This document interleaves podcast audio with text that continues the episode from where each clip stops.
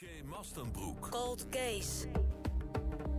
Tienduizenden mensen raken jaarlijks vermist. De meeste kort, sommige lang.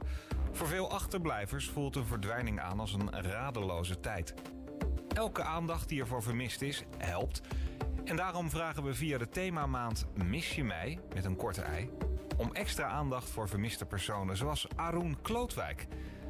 Ruim 14 jaar leeft de familie van Arun Klootwijk in onzekerheid. Waar is hun Arun gebleven? In januari 2008 woonde hij nog de crematie van zijn oma bij. Dat was de laatste keer dat ze hem zagen. In 2010 is er voor het laatst mailcontact geweest, maar sindsdien is het helemaal stil.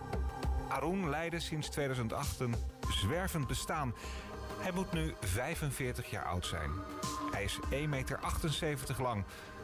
Voor foto's van Arun ga je naar dossiermastenbroek.com. Daar staan een aantal foto's in samenwerking met de politie hebben we die gepubliceerd vandaag.